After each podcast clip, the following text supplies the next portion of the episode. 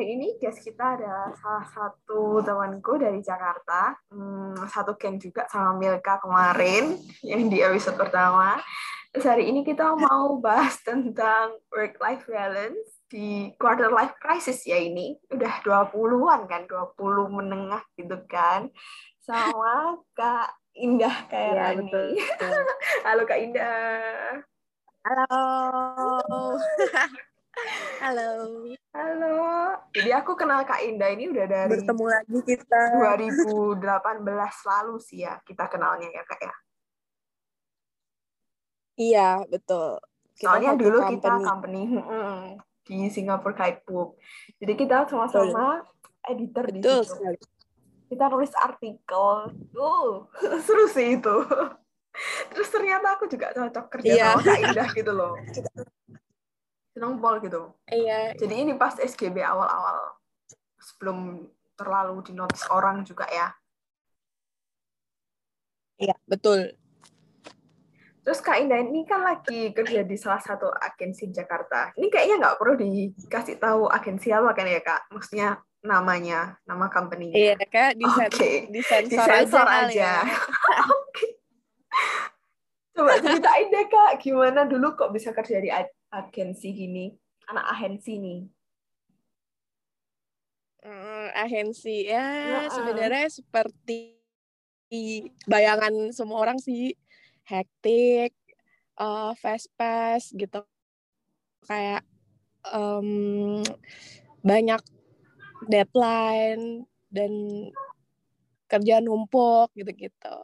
Sebenarnya ada pros cons-nya juga sih, cuma ya sama seperti bayangan orang-orang biasanya sih yang emang se sehektik itu di agency gitu. Kebetulan agency aku kan agency advertising, maksudnya digital advertising, uh, marketing and branding gitu kan. Jadi ya um, projectnya ya seputaran branding, seputaran marketing, seputaran iklan gitu. Tapi senang nggak kerja di agensi gini ya? Sejujurnya seneng sih. Soalnya uh, apa ya intimate banget sebenarnya. Kayak mungkin karena orangnya dikit kali ya. Hmm. jadi um, senang sih lingkungannya enak gitu. Terus kita juga nggak sekaku itu kan kalau misalnya yeah. kita ngeliat di corporate kan kalau kata teman-teman di corporate tuh kayak ya agak kaku ya. Terus birokrasinya lumayan ribet gitu. Nah kalau di agency nih uh, bebas. Benar-benar kita kayak um, free soul gitu. Terus kita ya? pakai baju bebas. Uh -uh, lo mau pakai tank top juga nggak apa-apa. Oh iya? Wow. iya. Ah udah kayak, berapa lama di agensi ini?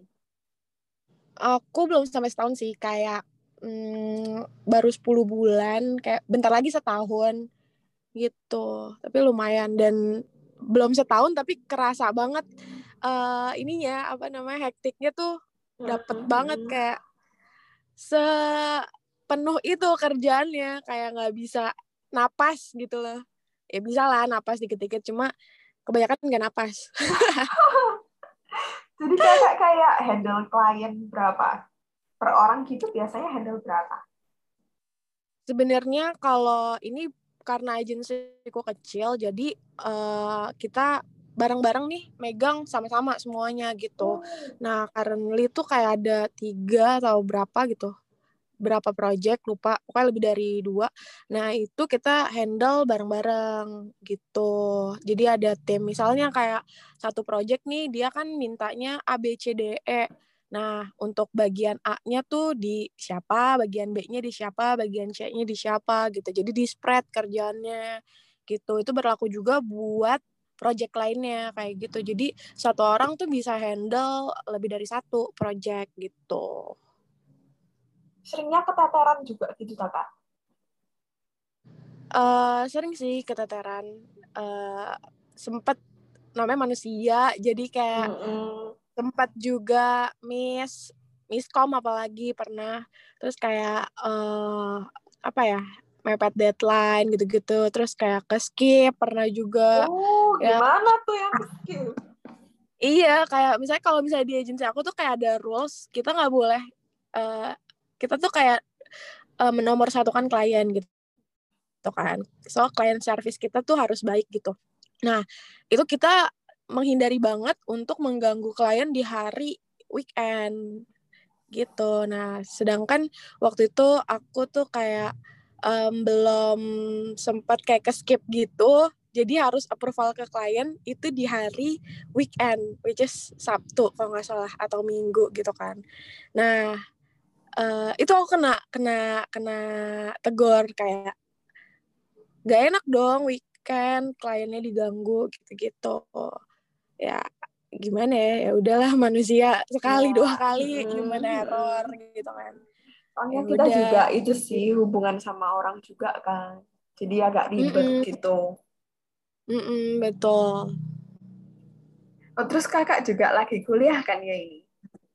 Betul, aku lagi kuliah. Hmm. Gimana itu kak? Gimana caranya buat hmm, pisahin waktu buat kuliah, waktu buat kerja?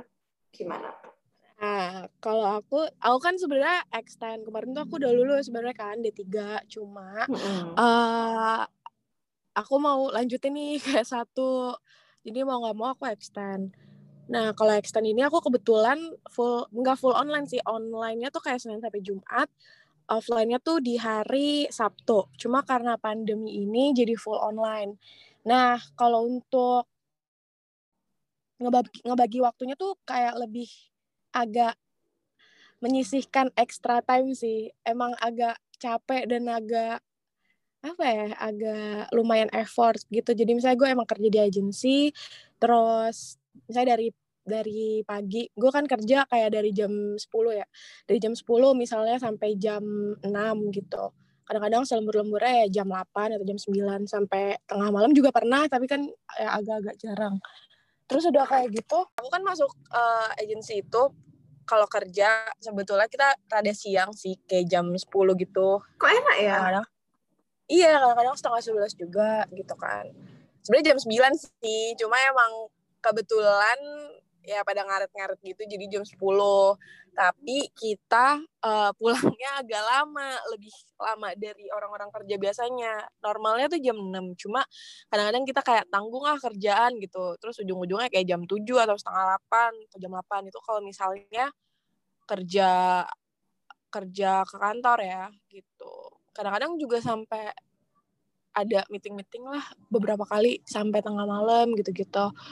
Ya agency life lah gitu. Nah untuk untuk ngebalancein antara kerja sama kuliah itu tuh lebih apa ya ngasih extra time sih. Emang kerja capek gitu kan apalagi di agency.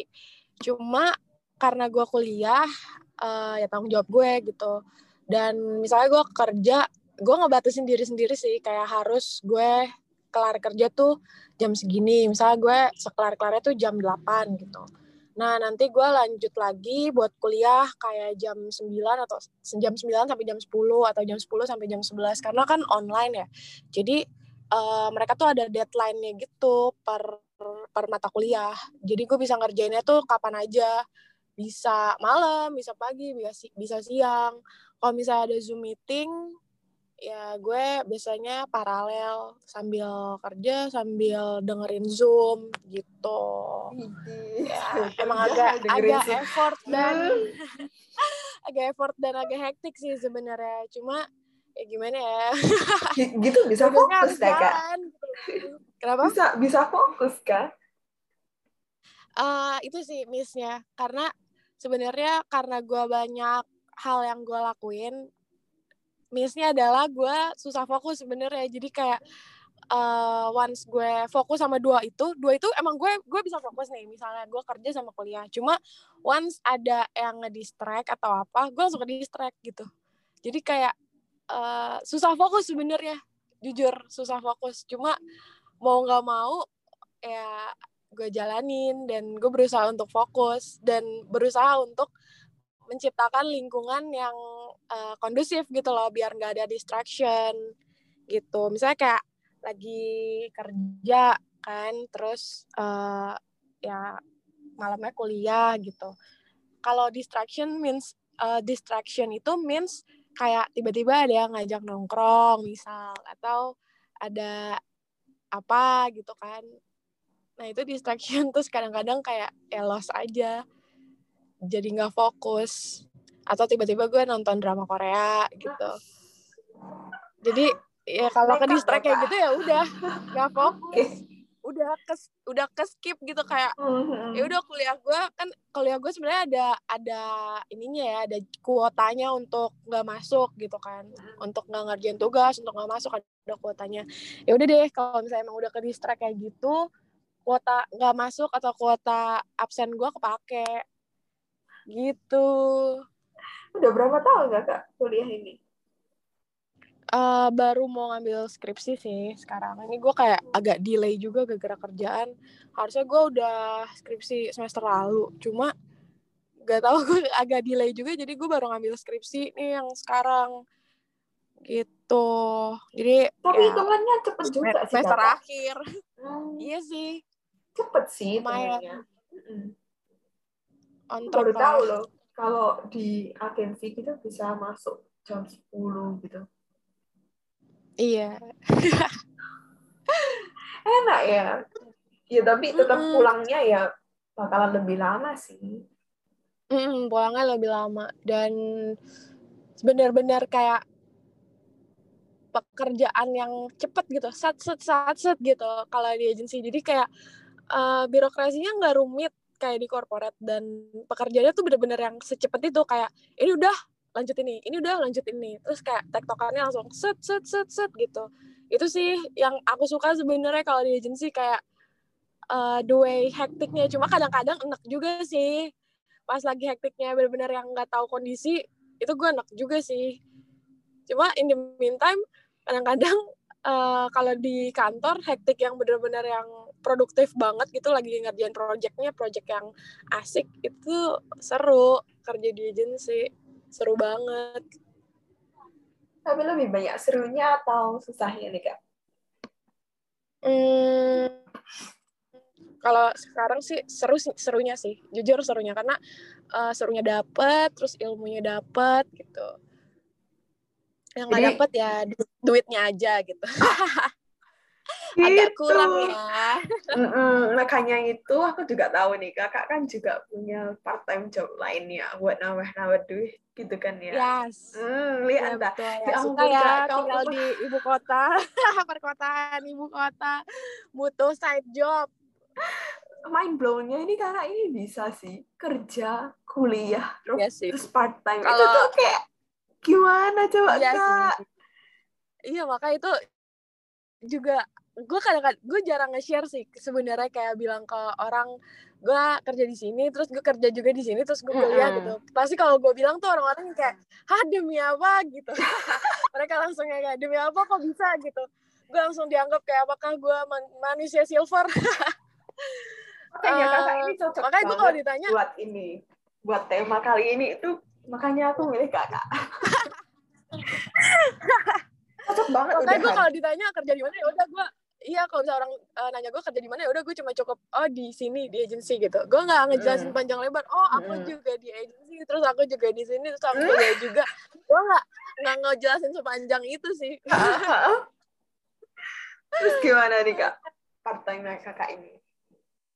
Uh, kebetulan gue tuh nyari part time itu um, sebenarnya gimana ya uh, alasannya ada dua karena gue butuh portofolio sama gue butuh duit gitu ya kalau misalnya emang ada kesempatannya kenapa enggak gitu kan uh, gue tahu itu bakal hektik banget lebih hektik dari hmm. semua mua mua mua orang gitu kan nah jadi hmm. gue sebenarnya biar tetap semangat adalah gue nyari part time yang emang sesuai sama uh, interest gue gitu kayak misalnya dulu kan uh, Singapore Guidebook dulu kan kita freelance tuh kan mm, di situ yeah. uh, kita nulis gitu kan terus kayak tra tentang travel tentang Singapura itu uh, passionate di situ karena itu seru tentang travel tentang apa namanya tentang uh, nulis-nulis media gitu kan terus tentang social media juga gitu it's about estetik juga foto-foto estetik gitu gitu jadi itu seru sih dan itu nambah pengetahuan juga ke aku. Jadi aku menurut aku itu dapat dua apa ya dua benefit. Dapat ilmu atau dapat portofolio lah iya, benar-benar sama uh, dapat material uang gitu. Dan plusnya lagi kalau emang kita beruntung kita dapat relasi ya kan? Mm, iya. Kayak jadi temennya banyak. Kayak salah satunya aku bertemu dengan Grace. Iya. Kan gitu. Nah terus uh, ya gimana cara bagi waktunya? Sebenarnya karena gue ngambil side jobnya sebenarnya gue mengambil side job benar-benar milih-milih banget selektif. Kayak gue nyari apa yang gue suka dan apa yang bisa gue kerjain dengan satu waktu gitu. Kayak misalnya uh, gue bikin uh, social media content creator gitu kan. Nah itu kan hal-hal seperti itu bisa gue bisa gue buat dengan cara langsung ya kayak ada ada ada editorial plannya langsung kayak misalnya sebulan atau per minggu atau per per dua minggu gitu loh jadi uh, sebelum gue melakukan side job, gue apply, gue udah tahu nih rencana pekerjaannya, rencana pekerjaan pekerjaan itu yang bakal gue kerjakan kayak gimana gitu. Kayak misalnya yang side job gue sekarang gue uh, bantuin buat bikin konten gitu kan, konten-konten ya movie gitulah. Ada salah satu aplikasi streaming. Nah itu gue bikin kayak per minggu jadi misalnya setiap minggu atau setiap Sabtu itu gue bikin langsung seminggu jadi set gitu. Briefnya udah kelar, terus langsung gue spread ke anak desain. Jadi pas di weekday itu gue gak keganggu. Jadi gue hektiknya di weekend. Um, benar, benar. Jadi kayak oh. ya memang kalau misalnya dibilang lo nggak capek atau kayak uh, ngorbanin weekend gitu kan uh, effort banget gitu-gitu ya sebenarnya enggak karena ada yang mau gue capai di situ. Jadi oh, gue rela-rela aja gitu kan. Soalnya kalau nggak kayak gitu ya gimana gue dapet yeah. portofolio sama duit gitu. Gitu sih. Biasanya kalau saat job nggak jauh-jauh dari interest gue kayak yang sekarang juga ya movie gitu kan. Berarti ya yang gue suka juga gitu. Jadi gue masih ada rasa-rasa passionate juga. Jadi kayak pas lagi boring atau apa ah gue kerjain ini ah gitu. Gue kerjain kontennya gitu. Ini cuma konten aja ya kak? Jadi nggak desain desain gitu ya? Enggak sih. Kalau desain gue sebenarnya nggak ngambil soalnya gue nggak nggak apa ya nggak into it sebenarnya. Gue bis gue gue bisa gue visual centric gitu. Cuma gue uh, kurang dalam mengaplikasikan uh, desain. Jadi desain tuh gue cuma bisa yang basic aja tapi kayaknya gue bisa mengarahkan untuk menjadi uh, visualnya menjadi apa yang gue inginkan gitu. Hmm, Jadi yeah, mostly yeah, sih hmm. kalau misalnya desain gue pindahin ke anak desain. Gitu. Hmm, gue lebih, lebih ke lah ya. Iya betul kita mah nah, apa gue desain juga kita mah apa gitu kan gitu biasanya kakak kayak gitu cari di mana sih part time part time gitu? Uh, kalau part time kayak gitu kebetulan kalau misalnya yang dulu tuh Singapore Guidebook itu aku dapat dari uh, grup komunikasi. Jadi dulu tuh pas lagi zaman banyak yang pakai lain kalau sekarang kan WhatsApp ya. Dulu tuh zaman zaman pakai lain itu tuh di lain ada grup-grup uh, jurusan gitu nah gue join ke grup jurusan bukan grup sih jatuhnya kayak apa ya kalau di lain tuh kayak ada official account gitu loh oh iya iya yang suka, yang suka nge-share nge-share gitu nah itu tuh gue join ke official account uh, about community eh community community about komunikasi gitu. Jadi di dalamnya tuh mereka kayak nge-share nge-share uh, job buat anak-anak komunikasi. Mostly intern atau freelance gitu. Nah, terus aku lihat aku scroll-scroll waktu itu baru lulus kalau nggak salah. Terus kayak wah, seru nih, apa nih Singapura gitu kan.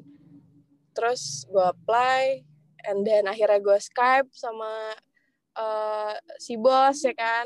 Terus akhirnya masuk lolos screening tes juga ya udah gitu terus kalau yang akhir-akhir ini sih aku dapat dari grup-grup Facebook jadi sebenarnya uh, bak ada sih kalau nyari kayak rajin-rajin aja kayak join-join ke grup-grup cari kerja tapi yang spesifik kayak misalnya freelance gitu atau side job atau emang komunikasi bukan yang job street gitu loh kalau job hmm. street kan kayak luas banget, banget nih gitu ya. oh.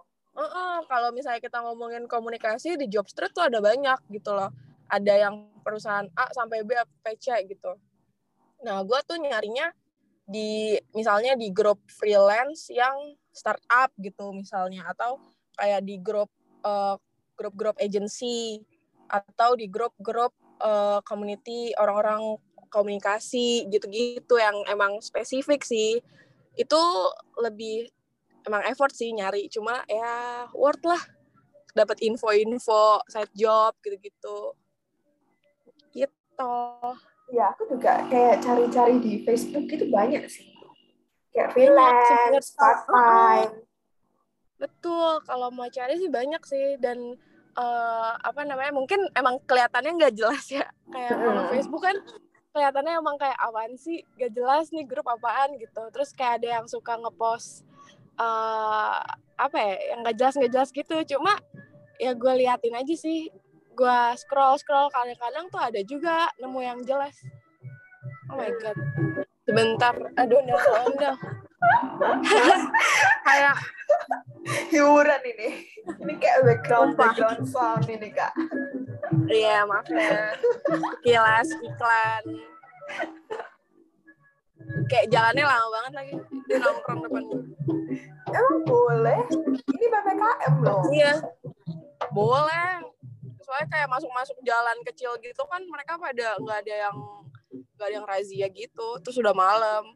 Iya loh udah setengah sembilan ini. Emang. Ya hampir selesai. Iya ya, hampir sudah selesai, sudah iklannya udah lewat nih. Iya, betul sekali. Maafkan ya. Gak apa hiburan.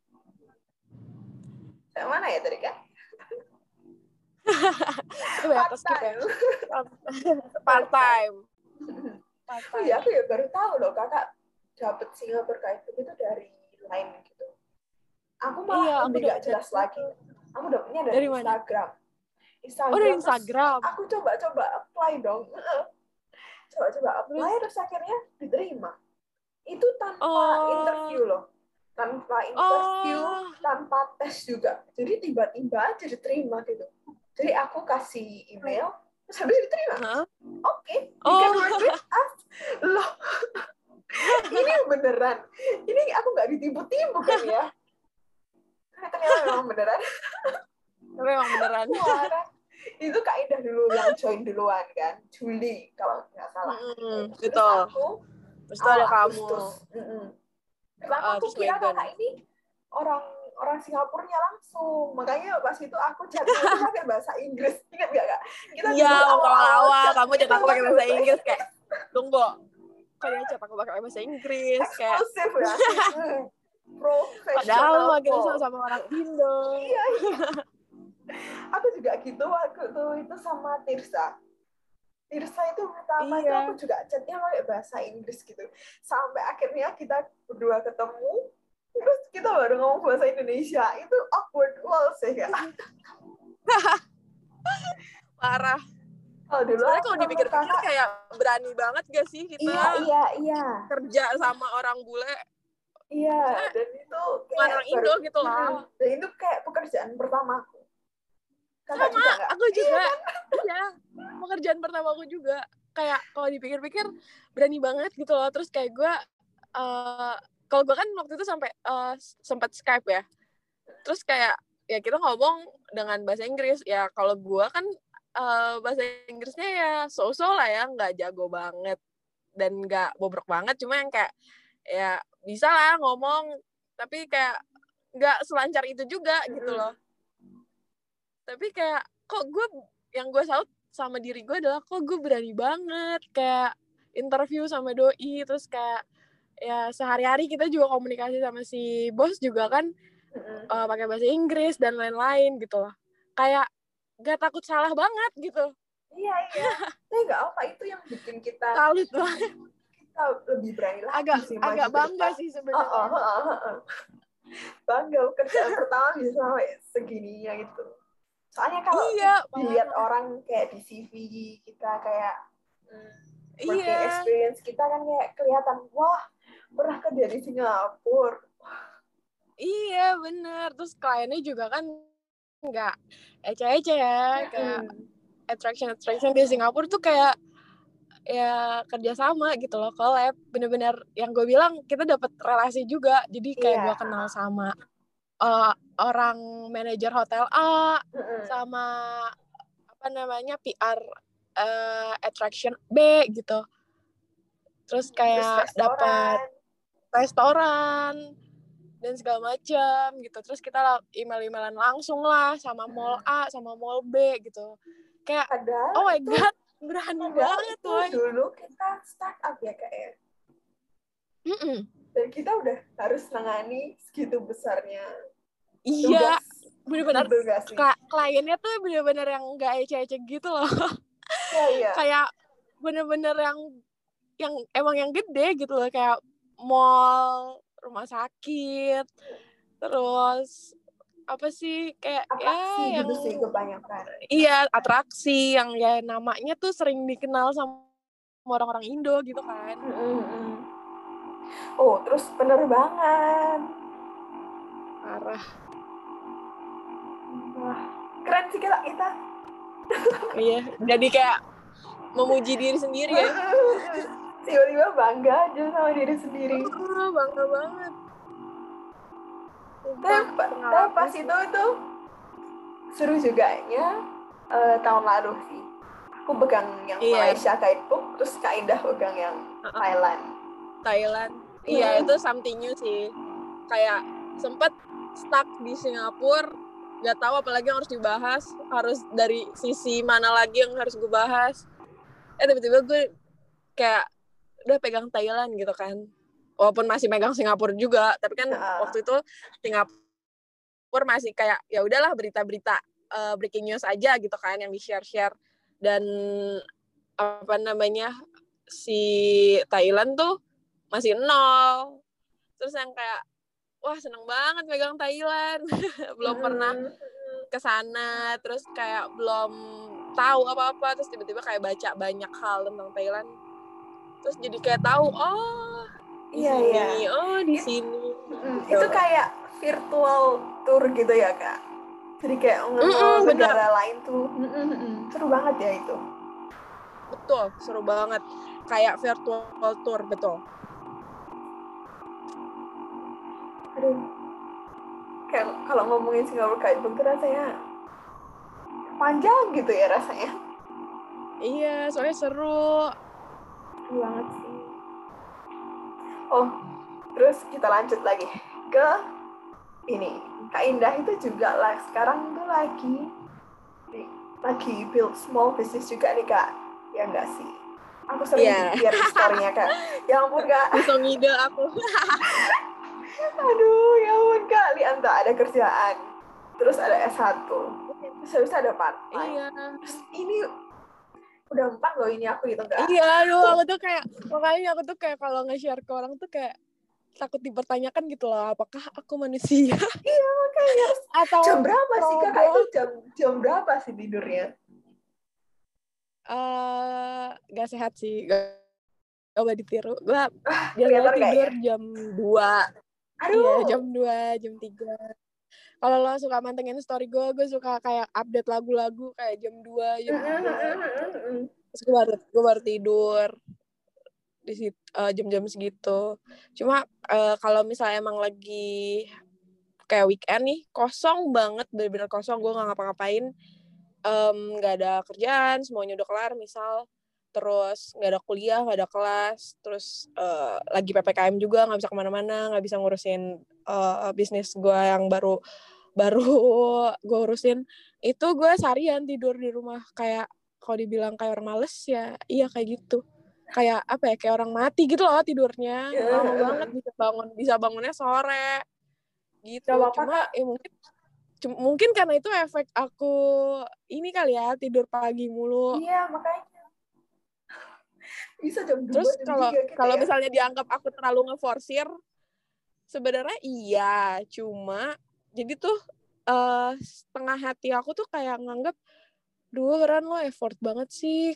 Kok diforsir banget sih? Gini banget sih hidup lo gitu. Setengah setengah setengah hati aku lagi satu lagi kayak bilang uh, kayak excited gitu loh kayak oh my god gue mau ngerjain ini gitu loh. Kayak ide gue tuh tiba-tiba tengah malam tuh kayak oh ini ini ini ini gitu. Jadi kayak nggak bisa tidur. Iya iya kadang aku juga gitu. Ada beberapa hal yang muncul gitu kan. Terus ya mau nggak mau aku tampung gitu atau aku aku kerjain daripada hilang atau lupa gitu kan. Kalau nggak taruh kebetulan aku juga di masih notes. bangun jam-jam segitu. Di notes HP gitu kak. Kadang-kadang di notes kadang kadang-kadang di notes kadang-kadang aku buka laptop lagi nih terus kayak uh, sekalian deh bikin PPT-nya gitu. Misalnya aku lagi kan aku lagi bikin bisnis kecil-kecilan. Terus kayak ada ide nih malam-malam gitu kan. Terus kayak ya sekalian deh aku buat PPT-nya lah yang bagus gitu di Canva. Gitu. Jadi kayak anaknya gimana ya? Soalnya kalau misalnya besok lagi pasti gue males. Di yeah, notes yeah. dan cuma ya udah di notes dan ketumpuk sama notes lain gitu kan. Gitu. Terus kalau kerjaan juga ya ya sampai malam juga. Terus kayak ya secukupnya sih. Kalau misalnya gue udah ngantuk udah apa ya gue stop dulu. Terus kayak ya udahlah besok pagi aja gue bangun terus gue kerjain lagi. Gitu. Gue gue tahu batasan diri gue sih sebenarnya. Ya, gue kayak misalnya gue kayak misalnya gue gue nih batasan sebenarnya nggak boleh ditiru sih. Cuma gue tahu batasan diri gue kayak gue nih batas gue tidur nih kayak setengah tiga nih. Kalau lewat setengah tiga gue kayaknya bakal sakit deh. Gitu. Jadi kayak kalau udah jam 2 itu gue kayak gue paksain walaupun kerjaan belum kelar gue paksain tidur. Terus kayak besok bangun lagi deh misalnya jam 7 atau jam 8 atau jam 9 gitu. Terus lanjutin pekerjaannya. Gitu. Jadi wow. sebenarnya yang penting adalah untuk manajemen time adalah tahu batasan. Jadi soalnya kalau misalnya once gue sakit itu semua bakal terbengkalai dan bakal delay bakal mes banget deh parah. Iya itu kan semua tergantung sama kakak juga ya. Dan kerjaan itu. Iya. Dan buat ngebalance ini itu uh, gimana ya kayak pasti kan namanya kerja kuliah dan segala macam itu kan stres. Buat ngebalancein tuh kadang-kadang kalau misalnya sebelum pandemi gue kadang-kadang nongkrong sama teman gitu kan ke coffee shop ngobrol-ngobrol sekedar curhat-curhat ketemu teman gitu. Nah pas semenjak ppkm buat uh, ngebalancein semua itu ya gue melakukan kayak misalnya nonton drama Korea gitu-gitu tapi nyuri-nyuri waktu buat kayak gitu kalau nggak kayak gitu stres juga sih iya banyak banget dong kak soalnya kerjanya hmm. iya parah sih bisa dibilang kuda gak? ya memang aku kuda hmm. bisa spill nggak kak lagi bikin apa sih apa? mau bisnis apa ini aku sebenarnya mau bikin uh, bisnis fashion baju hmm. tapi bajunya itu jadi tuh sebenarnya uh, ada a lot of concept gitu kan awalnya kita mau bikin cewek cowok terus tiba-tiba mau bikin cewek doang terus tiba-tiba kita ganti konsep semuanya jadi baju cowok. Dan akhirnya kita udah deal buat bikin bisnis fashion buat khusus buat cowok gitu. Yang agak dibilang Korean style ya agak sedikit Korean style tapi nggak Korea banget tapi agak nyentrik tapi nggak nyentrik banget. Gimana ya kayak kayak basic tapi nggak basic gitu kayak Gimana misalnya ya? ke meja. Kayak misalnya lo ke meja biasanya kancingnya kecil ini kancingnya gede misal. Oh. ya kalau bagian desain adalah ya temen aku. Aku saya bukan bagian desain aku bagian handle marketing sama brandingnya. Hmm, gitu. cuma intinya kayak masih best masih di ranah fashion lah. Hmm. kebetulan kayak ya kita sama-sama suka fashion. Grace juga kan iya dong tapi masih belum kepikiran gimana mau bikin fashion brand sih. Iya sih aku juga sebenarnya belum punya pengalaman berbisnis. Cuma uh, ya udahlah mumpung ada kesempatan lagi ppkm juga why not gitu loh aku coba. Ya udah terus bareng temen aku. Sama berapa orang kak? mikir mikir gitu. Kita masih bertiga sih jadi kita dibagi tiga. Um, aku bagian marketing branding teman aku bagian desain uh, segala all the materials dari fashion design sampai desain brand satu lagi temen aku bagian operasional yang ngurusin apa namanya konveksi, ngurusin packaging gitu-gitu. Jadi sebenarnya ke split, ke split ketiga gitu. Hmm. Soalnya kalau misalnya di diurusin sama satu orang nggak bakal rampung sih. Kayak a lot yeah. of iya. things sebenarnya yang harus dikerjakan dan ini sebenarnya gue juga mikir kayak bertiga juga sanggup nggak ya? Soalnya banyak perintilan yang harus diurusin gitu. Semoga sih bisa jadi gede dan bisa nge-hire orang-orang juga jadi nggak nggak pusing sendiri. Iya, amin, amin. Semoga gede ya, Kak. Amin. Kira kapan mau launching? Sebenarnya tuh planning awal di bisnis plan kita itu bulan Agustus. Cuma uh, ada masalah di jujur aja kita baru baru terjun ke, ke fashion. Terus kita agak zong di konveksi. Jadi di konveksi ah. sini uh, delay gitu kan untuk bikin segala-galanya terus um, dia tuh alasan mulu kayak misalnya ppkm kak gini gini gini gue tuh kayak udah bolak balik kayak Jakarta kan dia di Tangerang deh kalau nggak salah Tangerang atau di mana ya pokoknya di luar Jakarta deh. Gue kayak bolak balik ke sana gitu kan. Nah tapi ujung-ujungnya nih sampai sekarang belum rampung juga. Jadi kita decide buat nyari konveksi baru.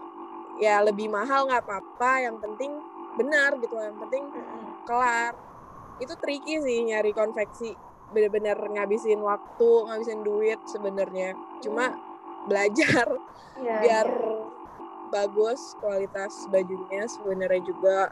Jadi jadi untuk launchingnya tuh delay dan belum tahu kapan mau launching targetnya sih akhir tahun tapi nggak tahu juga mungkin bisa awal tahun Wah, ini soalnya tergantung konveksi semua gitu ya kayak. Iya, soalnya tergantung konveksi semua dan yang di konveksi pertama tuh kayak belum 50% aja belum gitu loh, masih baru sampel. Jadi uh, sampel aja delay, delay apalagi mass product mass production ya kan. Agak ya udah ya. kayak Iya, makanya. Lama banget dan alasan dan dan alasan dulu kan. Terus kita yang kayak ya udah deh kalau kayak gini nggak bener nih kita ganti aja lah ganti konveksi kayak cari konveksi gitu di situ yang di, di Google kan kalau nyari konveksi sebenarnya temen aku nih yang bagian operasional oh. cuma aku bantu-bantu nyari juga kebetulan kalau aku tuh kayak suka dapat uh, Instagram ads Instagram hmm, ads iya, konveksi iya. tuh suka masuk ke aku. Jadi aku save savein gitu. Mungkin karena aku sering ngomongin konveksi I don't know. Terus mereka show up gitu di Instagram aku. Terus kalau misalnya temen aku tuh biasanya dia kayak nanya-nanya ke teman atau nyari di grup Facebook uh, penjahit-penjahit gitu. Cuma kalau di Facebook tuh kayak rada tricky juga sih. Gitu tuh nah ini aku yang pertama tuh kenalan temen sebenarnya. Cuma tetap aja zong juga. Jadi sebenarnya uh, nyarinya kebetulan aku lebih ke sosial media sih. Di Instagram. Jadi mereka tuh kayak ngelihat ini loh hasil karya kita ini loh price list kita ini loh uh, service kita. Mereka tuh aktif di Instagram terus jadi kayak oh ya udah coba yuk di sini gitu. Jadi aku jadi kita kayak lebih tertarik sama konveksi-konveksi yang kita cari di sosial media gitu. Aku pernah dengar Tapi banyak yang bagus-bagus gitu ya. kayaknya deh. Aku pernah hmm? dengar di dua atau apa gitu ya lupa. Jadi kalau mau cari konveksi itu um, biasanya kan kita beli kain dulu hmm? tuh. Mm -hmm. Kan kita beli kain dulu. Terus baru tanya sama uh, penjual toko kain ini enaknya punya kenalan konveksi di mana gitu jadi dari sini mm -hmm.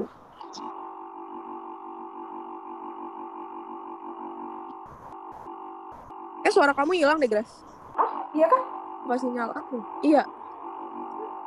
Iya, jadi dari uh, malah ke Uh-uh. dari yang punya toko jahit eh yang punya toko toko kain Hmm, toko kain I see. jadi kayak dari word of mouth aja gitu jadi eh, nggak dari sosmed kebanyakan Oh, gitu. Sebenarnya kalau toko kain, aku emang banyak, aku terbalik sih. Aku liat, aku terbalik sih. Aku eh, ke konveksi dulu, ke konveksi dulu, terus Oh. nanya rekomen toko kain bagus di mana gitu. iya Cuma kebalik deh Oh, kak oh, terbalik aku. Nah, soalnya aku ke toko kain tuh banyak grace kayak di Majestic iya, di Cipadu iya, di Tanah Abang iya. Terus di mana lagi ya waktu itu? Di eh, bahan-bahan yang jualan by online iya. Terus kadang-kadang kita minta kirim-kirim sampel juga dari toko-toko bahan di Bandung. Gitu. Jadi kayak nggak kepikiran nih. Oh, nanya tuh ke tukang kain gitu. Jadi kita lebih fokus ke konveksi. Eh kita lebih fokus ke konveksi. Eh benar kita lebih fokus ke konveksi terus baru nyari eh, tukang bahan yang bagus gitu. Aduh. Cuma cuma eh, agak spill dikit kalau misalnya emang kamu suka eh, bikin baju tapi yang bahannya bagus dan untuk short term aja gitu kayak untuk produksi sekali doang aku rekomend di Cipadu sih karena aku nyari di situ bagus-bagus ininya apa namanya eh, bahannya. Kainnya gitu ya? Mm-mm, kainnya. Mereka tuh sebenarnya kain-kain BS kayak sisa ekspor gitu. Jadi kayak cuma ada satu roll dua roll gitu. Cuma kalau misalnya mau nyari sampai ke dalam-dalam itu di dalamnya bagus. Bagus-bagus banget. Cuma sayangnya ya itu stoknya nggak banyak. Dan itu kayak kayak thrifting jatuhnya. Iya iya tapi ini thrifting bahan. Thrifting kain-kain gitu. Seru sih. Mm-mm, lihat-lihat seru kayak sih. gitu. seru seru seru. Iya parah seru. Kalau Aduh, dibilang aduh panas pingin ya ke sana. memang iya gitu kan. Tapi seru. Bikin ke Jakarta jadinya nih. Iya ke Jakarta dong. Oh, Ada Milka di sini. iya. Belum vaksin lagi aku juga banyak lo yang gak kedapetan di sini soalnya oh aku masih nunggu jadwal pengumuman dipanggil dari ya? temen aku Heeh. terus kakak ini juga aslinya punya sampingan lagi nggak sih yang agency juga apa namanya itu ya Iya itu juga ada sih. Tapi kayak lagi, sekarang lagi nggak aktif sih. Aku punya, aku jadi karena based on aku suka sama marketing and branding, aku decide kan maksudnya dari keserius aku milih jurusan ekstensi di bidang itu gitu kan. Terus karena aku suka juga, jadi aku bikin small agency sebenarnya.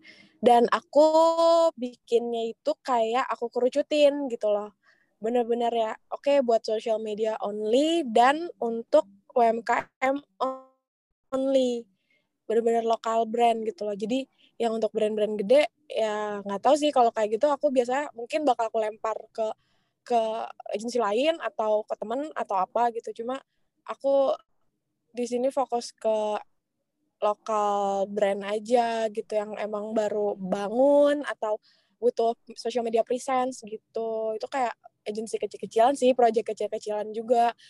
Jadi aku sama temen aku bikin itu dan kliennya baru dikit juga sih. Dan sekarang lagi off gitu karena belum ada klien lagi.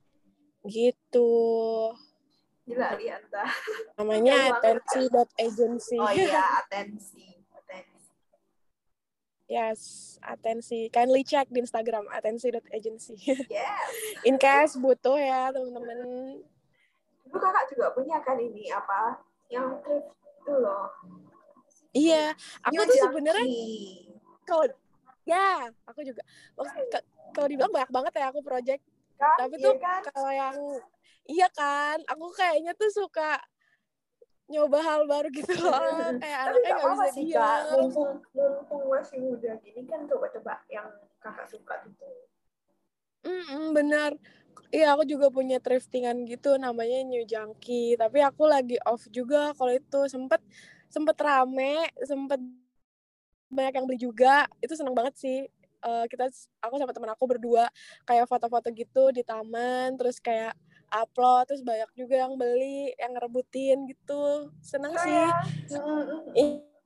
Iya, cuma sekarang waktunya tuh kebagi kan, terus kayak untuk photoshoot gitu-gitu tuh text time jadi aku hiatus dulu dari thriftingan karena nyari apa ya jujur aja nyari um, apa sih namanya tuh su supply chainnya tuh agak susah. Kayak gitu tuh harus punya relasi punya punya koneksi gitu. Kalau misalnya kayak independen kayak aku kayak nggak punya koneksi apa-apa bener-bener nyari gitu loh. Aku ke Bandung nyari terus kayak misalnya ke mana nyari terus kayak titipan temen gitu-gitu. Tapi so far itu seru banget gitu kayak aku interest mungkin aku kayaknya kayak gitu tuh banyak project karena aku interest sama bisnis kali ya bagaimana ya, nggak ya, tahu ya. juga cuma Bagus emang eh, iya sih lumayan buat pengalaman ya jadi aku mikirnya kalau misalnya uh, untung gak untung tuh belakangan gitu loh. Yang penting aku dapat uh, benefitnya dulu nih, uh, learningnya dulu nih. Aku yeah, yeah. Aku iniin, aku dapat gitu, gitu sih. Dulu tuh aku juga pernah sih ya, kayak pre-love gitu. Mm -hmm. Tapi di karusel, tahu nggak? Ah, tahu. Aku juga kadang-kadang suka jual di karusel. Laku loh. Iya, iya, itu seneng tau sih parah sih aku kalau aku beli. parah sih aku juga kalau misalnya aku barang pribadi banget nih kayak waktu itu aku jual handphone terus beberapa baju terus apa lagi ya? Skincare yang belum aku buka. Laku dong di karosel. Tapi itu sebelum pandemi gini sih tapi nggak tahu sekarang kalau pandemi gini gimana? Iya. Soalnya kan pasti kayak second item sih. Iya pada takut kan. Fashion gitu juga.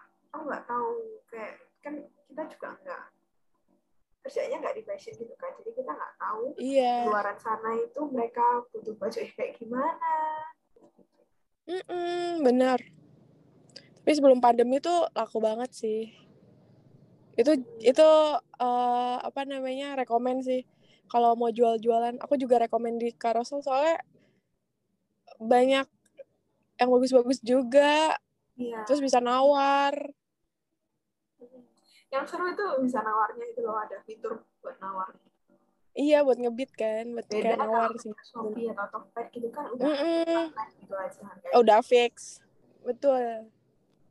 Aduh, kangen carousel. Iya. Mungkin gara-gara itu juga jadi suka uh, fashion gitu kan, terus kepikiran buat bikin small business fashion gini. Iya, iya sih. Terus kakak itu juga aktif banget loh di TikTok. Suka aku liatnya. Iya, kamu juga aktif di TikTok. Not only me. YouTube. Tapi kayak aku yang di Instagram oh, seru aku gak yang sih di TikTok, TikTok itu beda banget kan kak. Iya seru iya sih kan. Dulu itu aku kayak kalau di Instagram tuh kayak iya kalau di Instagram tuh kayak aduh jaga image banget gitu kan bener bener bener tapi kalau di TikTok kita bisa jaga oh, image banget gitu. iya sedangkan kalau di TikTok tuh gue kayak ah bodoh pada nggak tahu TikTok gue ini. Yang tahu cuma orang-orang yang yang deket doang gitu kayak yeah. bodoh lah nggak ada bos nggak ada klien nggak ada siapa siapa gitu kan. Jadi kayak ya udahlah kalau masalah branding diri di Instagram. Tapi kalau hmm. buat kesenangan pribadi I choose TikTok sih. Iya iya apalagi kan username-nya gitu kan kebanyakan aneh-aneh gitu kan nggak pakai nama asli. Iya betul. Betul. Tim TikTok. Dulu awalnya tuh kayak apa sih TikTok ini? Kayak aneh gitu loh. Kenapa? Iya, mungkin... ada yang joget-joget dan lain-lain. Iya, mungkin waktu awal-awal tuh pemakaiannya agak ngasal ya. Iya, iya. Tapi makin ke sini mungkin kayak orang-orang pada kreatif, pada estetik, ya kan. Jadi kayak, wah lucu nih gitu kan.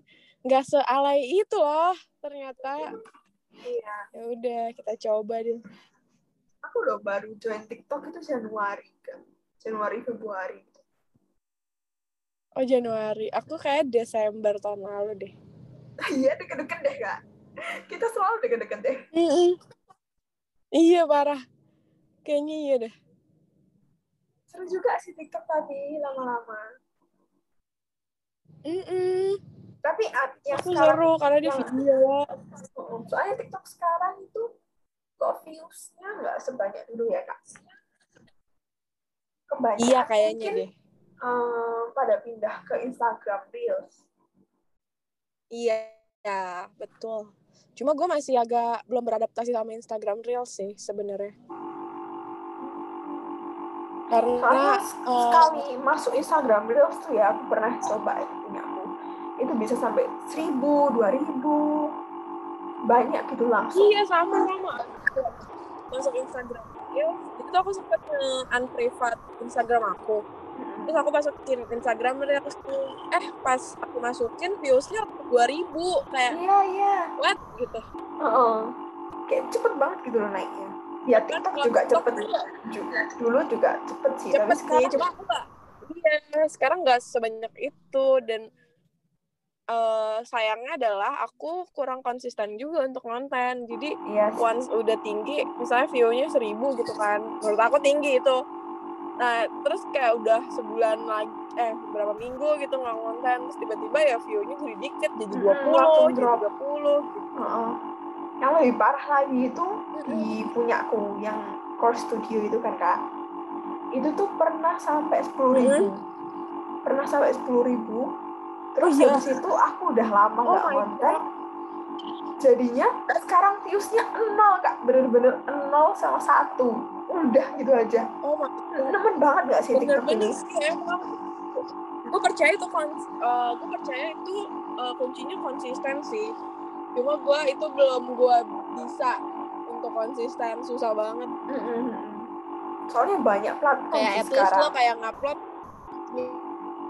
minggu lima gitu kan iya Hmm, Persaingan ketat ya. betul TikTok dan Instagram aja bersaing. ketat ketat banget iya Terus dari semua kerjaan yang kakak lakuin sekarang, paling suka yang mana? kalau sekarang itu aku paling suka jujur eh, ngerjain yang set job aku. Karena pertama dia lebih ke social media. Terus eh, challenging juga. Challenging tuh means kayak misalnya di bulan pertama tuh bikin konten gini gini gini terus di bulan kedua minta diimprove nih eh, kualitas kontennya gitu. Terus tapi tanpa gimana ya kualitas kontennya mau diimprove kayak lebih unik lebih kreatif tapi in the meantime tetap eh, konsisten sama apa yang diminta klien.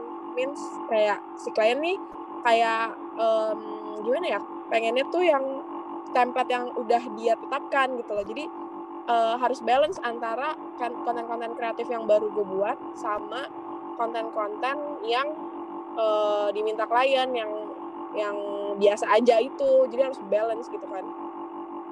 Agak challenging gitu loh. Jadi suka jadi seru. Terus kayak kedua itu tuh eh, tentang kontennya. Kontennya kan tentang drama Korea. Jadi ya siapa sih? Hmm. yang nggak suka drama Korea? Mungkin ada. Cuma aku tuh suka banget drama Korea. Aku bukan K-popers or apa cuma emang aku suka banget drama Korea. Jadi eh, melakukan hal yang aku suka gitu loh Hmm, Jadi seru gitu kan? konten dari hal yang aku suka. Jadi Mm-mm. seru. Jadi, Jadi ya aku nonton drama Korea. Hmm. iya aku nonton drama Korea ya itu kerja gitu. Nyari konten jadi kayak ya bermain sambil bekerja. Iya seru tuh. Eh kakak lihat apa? Drama Korea apa sekarang? sekarang aku lagi nonton Penthouse 3 aku lagi nonton Devil Judge. Terus aku lagi nonton juga Neverless. Tapi Neverless sama Nevertheless itu- Hospital Playlist. Tapi Neverless aku belum belum baru kayak episode awal-awal gitu loh. Soalnya tuh kayak Emosi aku kak liatnya. apa sih nih cewek gitu Iya iya iya. iya kayak apaan sih nih cewek gitu jadi aku kayak tar dulu deh tar dulu nontonnya belakangan gitu aku lagi nonton Hospital Playlist sih Hospital Playlist sama Mr. Queen itu kayaknya drama lama deh tapi aku baru nemu dan baru nonton terus kayak lucu banget Kakak nggak nonton Vincenzo dah? sendiri. Apa Nggak nonton Vincenzo.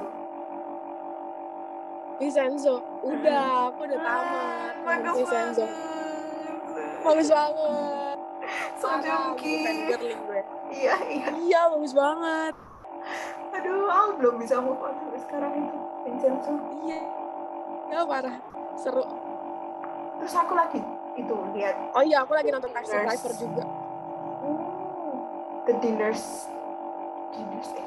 Wish. Winners Ah, nah iya itu baru deh kayaknya. Aku mau Baru, nonton baru. deh. Baru masuk list aku. Tapi agak sama ini bosenin, tapi serem gak sih?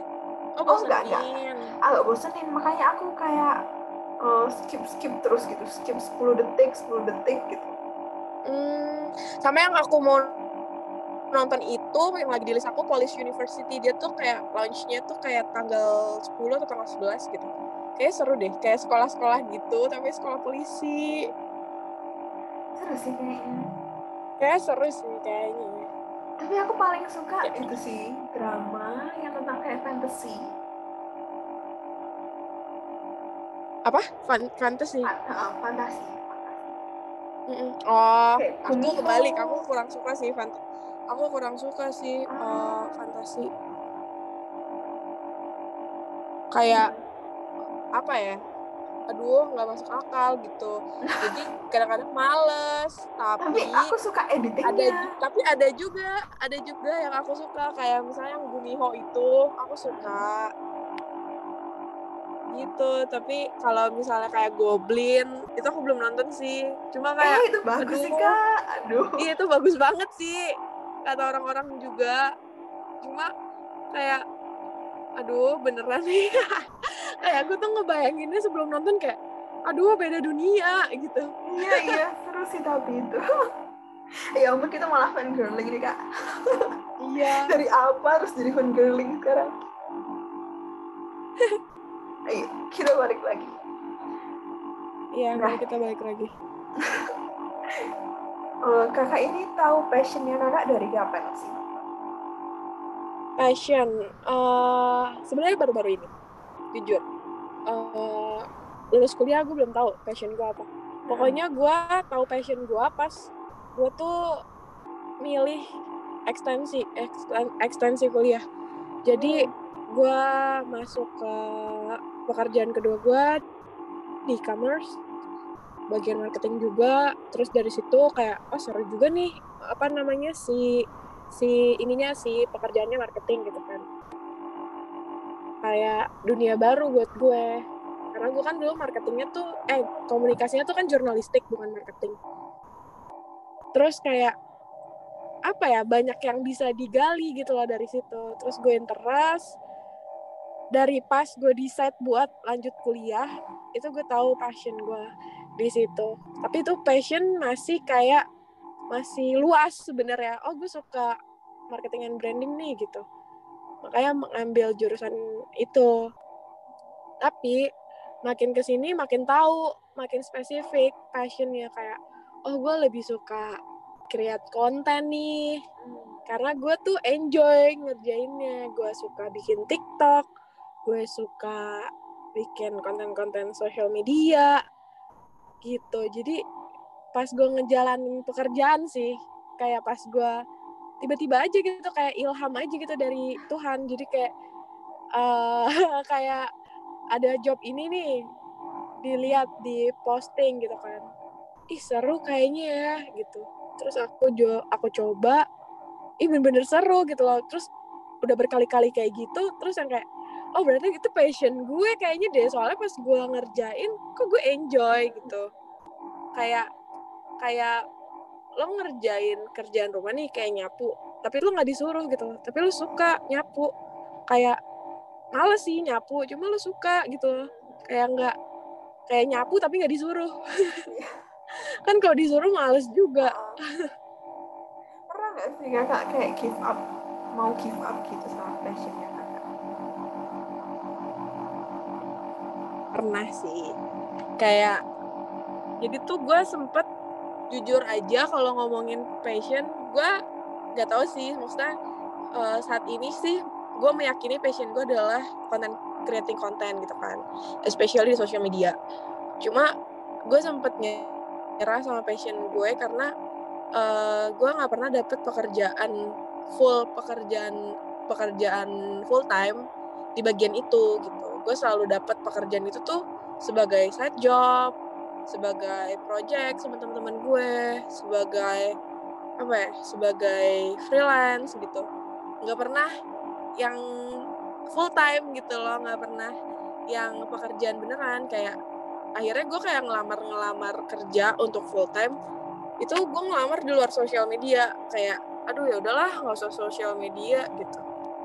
Ya udahlah nggak dapet dapet mulu sosial uh, pekerjaan sosial media untuk full time. Jadi gue ngapply itu di luar itu. Kayak misalnya gue ngapply jadi uh, apa terus kayak AE gitu-gitu. Jadi jauh banget sama sosial media. Itu tuh gue sempet kayak pas nyari kerja tuh gue sempet give up gitu loh. Kayak persetan lah passion gitu. Yang penting gue nyari duit dulu. Terus uh, pas udah dapet duit barulah gue gue kejar passion gue. Cuma gak enak juga kerja nggak sesuai passion kayak gak semangat gitu loh. Hmm, jadi iya, iya.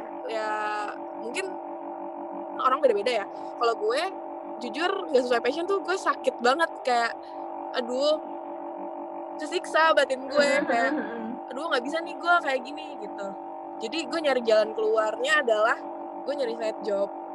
Gue nyari side job yang sesuai passion gue tanpa um, tanpa meninggalkan full time gue. Kalau misalnya gue dapet full time uh, sesuai sama passion gue, it it could be good gitu loh, it could be great. Cuma saat ini belum gitu kan, belum ada kesempatannya. Jadi jalan keluarnya adalah ya gue cari lewat side job gitu.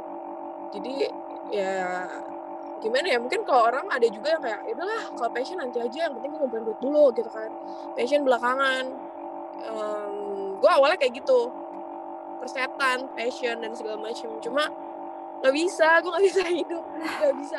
Mungkin terdengar lebay ya cuma gue kayak aduh batin gue nggak tenang nggak ngerjain nggak ngerjain sesuatu yang gue suka gitu. Kayak apaan sih? Lu ngapain sih? Ini cara apaan sih? Yeah, yeah. gitu. Iya sih relate banget sih Iva pasti pernah sih gue tapi tapi akhirnya udah back on track ya. Uh, tapi ya udahlah gue cari jalan keluar jadi kayak win-win gitu kan. Uang iya, dapet, udah passion juga dapet. gue kekeh. Mm-hmm. betul. Mm-hmm. karena gue kekeh gue harus dapet nih. Gue harus dapet apa yang gue mau gitu kan. Gue ngel gue kayak di otak gue gue lisin gue tuh mau apa sih? Gitu. Kalau misalnya ditanya orang lo tuh mau kerja apa sih? Lo tuh sukanya apa sih? Itu gue ngelisin di otak gue kayak gue tuh maunya jadi ini. Gue tuh maunya ahli di bidang ini gitu. Gue tuh sukanya ini. Jadi ada jalurnya gitu loh. Karena gue suka ini jadi gue ngambil side job ini. Karena gue mau ahli di bidang ini jadi gue ngambil les atau ngambil kuliah di bidang ini gitu. Jadi kayak ada planning di otak gue sih. Tapi nggak tak maksudnya itu cuma planning untuk eksekusi gue bergantung lagi kepada Tuhan.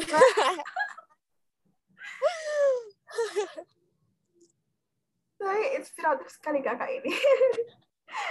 Gitu ya soalnya jarang sih ada orang-orang yang kayak ngejar passionnya juga gitu kan. Kebanyakan memang kayak uh, cari uang dulu terus baru passionnya belakangan gitu kan.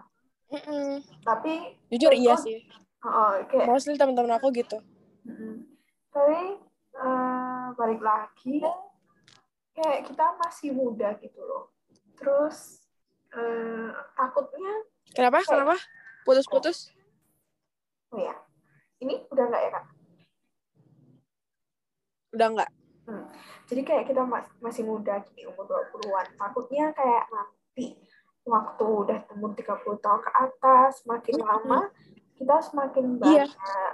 hmm, beban kan terus kita nggak bisa ngelakuin iya, betul. apa yang kita mau gitu itu juga kayak jadi pertimbangan juga sih iya benar betul sih terus gimana cara kakak untuk stay sane saat pandemi kayak gini? Jadi, apa? Gimana cara kakak untuk stay sane saat-saat pandemi? Stay sane. Mm -mm. Stay sane. Um, sebenarnya nggak sane banget sih, tapi ya masih waras lah stay sane di saat pandemi gini gue juga bingung. Sebenarnya gue nggak bisa ngapa-ngapain kalau sebelumnya kan gue masih bisa ketemu teman ya kayak yeah. pas malam minggu gitu kan. Ke ngopi gitu ngobrol-ngobrol sama temen kayak ngobrolnya bener-bener the quality time yang gak megang HP gitu loh yeah. bener bukan cuma sekedar uh, ngopi Instagram story aja gitu bener-bener yang ngopi ngobrol gitu. Itu dulu self apa sih buat station kayak gitu. Cuma semenjak sekarang bener-bener nggak bisa ke mana-mana di rumah aja. Jadi ya aku spending my time aja sih di rumah. Kayak misalnya aku uh, nonton terus aku bikin TikTok. Itu cukup, cukup menghibur sih. Kayak apa ya melakukan hal-hal yang di luar biasanya gitu loh sebenarnya kan aku nggak nggak terlalu bikin TikTok ya dulu. Cuma sekarang sekarang kayak jadi sering bikin TikTok karena pertama itu asik terus kayak bikin stay sane juga pas di rumah aja. Soalnya itu kegiatan yang unusual gitu kan. Terus kadang-kadang masak di rumah aku jarang banget masak bahkan nggak bisa. Terus aku kayak suka searching-searching masakan yang gampang apa sih? Bikin makaroni misalnya atau bikin apa gitu jadi aku melakukan hal-hal yang unusual yang bias yang nggak biasa aku lakukan. Terus ya udah. Agak lumayan jadi kalem sih agak uh, menghibur. Habis nggak bisa ke mana-mana juga aku bingung. Pas gitu. aku itu sampai bener-bener stres sih di rumah kak. Enggak kan iya. Aku jujur aku stres sih di rumah eh, nggak uh, bisa ke mana-mana. Terus kayak WFH tuh work from home. Aku kesel banget sama work from home karena kayak nggak tahu aku jadi kayak nggak tahu batas diri aku gitu loh. Mm-hmm. kayak kan aku tadi bilang aku harus tahu batasan diri aku gitu kan. Nah itu berlaku pas work from office. Karena ada jam pulang kantor gitu gitu kan Cuma pas work from home ini kadang-kadang agak di luar batas gitu. Jadi yeah. Iya. uh, kadang-kadang on track, kadang-kadang agak di luar batas, agak apa ya? Uh, di luar track, di luar apa yang udah gue tetapkan untuk diri gue gitu. Cuma itu jarang sih. Gue masih berusaha untuk ngekip batasannya walaupun agak kadang-kadang keluar juga jadi lebih suka WFO ya kak ya hujat gue tapi iya iya gue jujur lebih suka WFO karena gue suka ketemu orang ya. gitu kan oh, kak, itu, kak. di luar di luar di luar di luar ngomongin pandemi dan covid dan lain-lain ya jujur hmm. gue lebih suka WFO karena uh, gue ketemu orang tuh seru gitu loh gue bisa ngobrol. Hmm. bisa at least ngobrol deh gitu. Iya kayak dulu itu, pas aku di Jakarta itu kita sebulan sekali harus selalu iya. ketemu sih kak. Mm -mm. kayak aku tuh suka ketemu orang gitu loh. Kayak ngobrol aja berinteraksi mm -mm. sama orang. Karena kalau di rumah aja diam nggak tahu sih. Mungkin ambivert I don't know. Apa kadang-kadang tuh kalau bisa dilihat orang sih kayaknya bisa dibilang ekstrovert ya.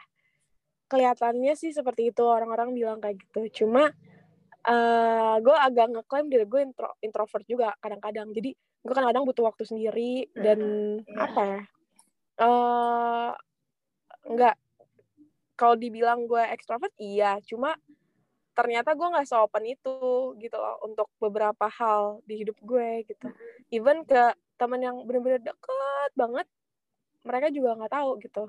Jadi uh, ada ada beberapa ada beberapa ada beberapa yang uh, apa ya namanya uh, masalah dalam hidup gitu-gitu yang aku nggak ceritain ke orang-orang kayak ya mungkin orang-orang yang lain juga gitu sih cuma kayak dibilang banyak ngomong segala macam iya suka ngobrol sama orang iya ketemu orang di luar iya sounds like intro eh sounds like extrovert cuma uh, aku juga kadang-kadang suka menyendiri dan malas ngobrol sama orang sih. Ada di saat-saat kayak gitu tuh ada. Jarang sih, tapi ada. Jadi kayak, Jadi kayak diem aja gitu. Ya. Iya, betul. Tapi ya lebih condong kayak ekstrovert kayaknya. Sepertinya ya. Iya, kelihatannya ya. Kelihatannya sih. Cuma nggak tahu nanti pas dua tahun lagi apa tiga tahun lagi atau sepuluh tahun lagi tiba-tiba gue jadi introvert banget hmm. soalnya itu kan juga bisa ganti-ganti juga sih tergantung situasi mm -hmm, kayak gitu bisa ganti-ganti betul hmm, kak kita betul udah banget. udah satu jam lebih loh Gak kerasa Demi apa? Iya. Gak kerasa. Gak kerasa. Yuk kita wrap up yuk. Kenapa? kita wrap up. Yuk, mari bungkus. Hmm, yuk. Kakak ada pesan-pesan apa ini buat yang dengerin podcast ini? Oh my god. Tentang work life uh, pesannya um, sebenarnya um, gimana ya? Uh, untuk kalau masalah produktivitas uh, itu nggak ada batasannya gitu loh jadi uh, lo juga nggak bisa bandingin produktivitas lo sama produktivitas gue produktivitas gue sama produktivitas orang lain gitu um, itu balik lagi ke masing-masing diri sendiri. Dan balik lagi ke uh, batasan diri sendiri gitu sih. Dan untuk work life balance sebenarnya ya um, gimana ya bilangnya? Sebenarnya nggak sehat juga sih cuma uh, sering-sering sih buat me time buat quality time. Buat karena hidup lo tuh nggak melulu tentang kerja tentang kuliah gitu loh kadang-kadang lo juga harus uh, punya punya kehidupan sendiri ya buat self healing juga gitu biar balance juga biar nggak stres-stres amat. It's okay kok buat lo nangis, buat lo nongkrong sampai malam atau apa gitu kan. Atau ya yang menurut lo menurut lo itu kesenangan buat diri lo, it's okay kok. Dan it's okay not to be okay juga. Karena nggak semua orang perfect gitu. Itu sih. Gak jelas kali ya? Iya aneh banget so bijak. Gak apa-apa, gak apa-apa. Soalnya juga work life balance itu juga orang pasti lagi itu sih nemuin caranya sendiri-sendiri juga kan. Mm -mm. Betul. Itu baik lagi ke cara masing-masing karena yang tahu batasan masing-masing tuh ya diri sendiri gitu loh. Gue tahu nih batas diri gue sampai segini gitu. Dan kalau misalnya lo bal lo bandingin uh, apa ya namanya produktivitas lo atau kesuksesan lo deh let, let's say sama orang lain please not kalau misalnya startnya tuh beda gitu jadi lo tuh gak bisa banding bandingin gitu kayak ya udah jalan sesuai rencana hidup lo aja sesuai yeah. keinginan lo orang Bener. lain ya udahlah gitu iya setuju setuju setuju banget ya sudah thank you kak Indah udah mau jadi guest di point of view kali ini sukses terus ya kak semua kerjaan kakak dan segala perintilan-perintilan part time, skripsi dan lain-lain gitu. Terima kasih, thank you. Terima, kasih loh sudah di invite. Mm -mm. Pasti. Oke deh, see you ya pas See after you. pandemi di Jakarta. Hmm, Yuk, kita harus ketemu sih, Kak. Yuk.